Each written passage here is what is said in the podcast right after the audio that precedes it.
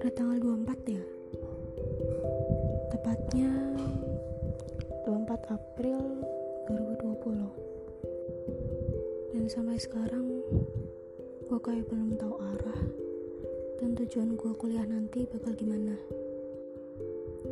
Gue masih bingung mau ambil jurusan apa dan program studi apa. Sebenarnya udah ada sih mau gue tetekin tapi kayak kenapa di tengah jalan jadi bingung dan ragu? Gue takut banget gak bisa tepatin janji gue sendiri yaitu jadi akuntan.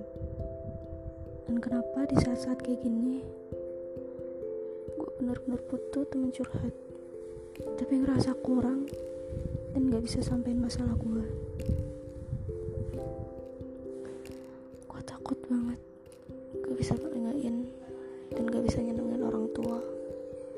hanya karena gue kurang serius sekarang.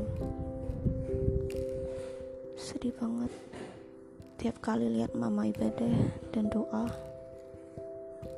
kedengeran gue didoain biar cepet sukses dan dapat universitas yang gue mau. Ngeliat gue yang masih kayak gini gue sedih. Tapi sekarang gue tahu. Gue ngerasa ibadah bukan cuma rutinitas mata. Bukan cuma rutinitas karena tuntutan dalam agama. Tapi kayak udah jadi kebutuhan setiap manusia. Biar saling bisa komunikasi dan curhat kalau kesah sama penciptanya. Gue janji sama diri gue sendiri gue bakal ibadah dan berdoa sama Tuhan.